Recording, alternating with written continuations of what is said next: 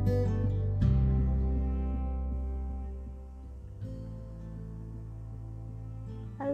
kembali dengan teori sotoy. Aku mau bahas soal sikap yang polos, kalem, pendiam, bisa dimanfaatkan. Seburuk itu kadang untuk dinilai. Sulit untuk menemukan orang yang datang dan dekat tanpa mencuri kesempatan. Sulit juga untuk membedakan mana orang yang tulus berbuat baik atau yang hanya sekedar modus nih.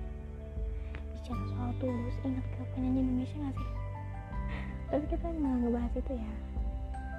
Kita lagi ngomongin soal tulus yang sayangnya itu emang susah banget sih untuk diterapkan di kehidupan sehari-hari. Soal tulus, aku sering nemuin orang-orang yang terlihat berbuat baik nih. Dan tulus banget sama aku tapi justru setelah itu mereka membahas perilakunya itu jadi kayak membahas perbuatan baik yang pernah mereka lakuin. Apalagi kalau balasan yang mereka terima itu nggak seimbang dengan apa yang mereka udah pernah kasih pernah dengar nggak sih soal istilah atau apa ya disebutnya? Ya pokoknya tentang take and give.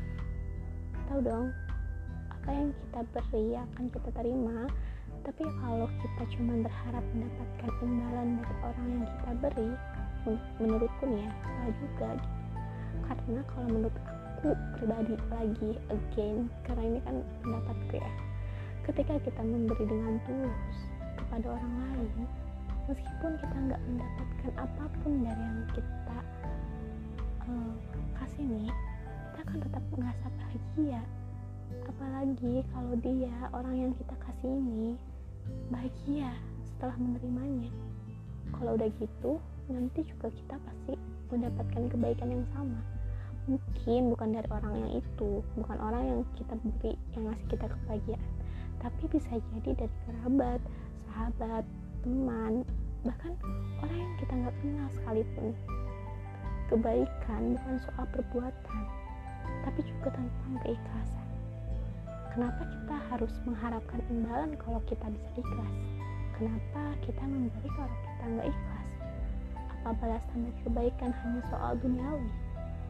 Kenapa nggak berpikir kalau kebaikan yang kita bisa kasih ke orang lain itu juga bisa menjadi penambah amalan kita kelak. Kita kan nggak ada yang tahu soal itu kan. Ya ini mulai agak berat sih pembahasannya.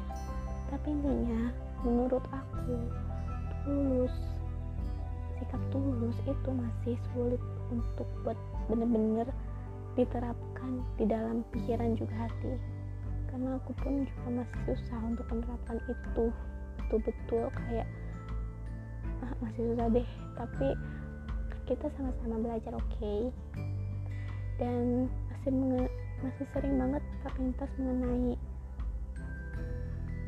apa yang bakal kamu kasih. Kalau aku kasih kamu yang kamu suka apa yang bakal kamu kasih kalau aku hmm, kasih kamu ini kasih kamu itu? Dan imbalan-imbalan selanjutnya yang kita udah pikirin sebelum kita ngasih ke orang lain ya begitu terus sampai akhirnya sikap tulus dan modus itu memang susah buat dibedain. Kita kadang takut menerima perbuatan baik seseorang hanya karena kita nggak tahu dia tuh beneran tulus atau sebenarnya minta imbalan. Mudah-mudahan aja sih. Kita nggak ketemu sama orang-orang yang seperti itu biar kita juga nggak terbebani. Oke. okay. Udah dulu ya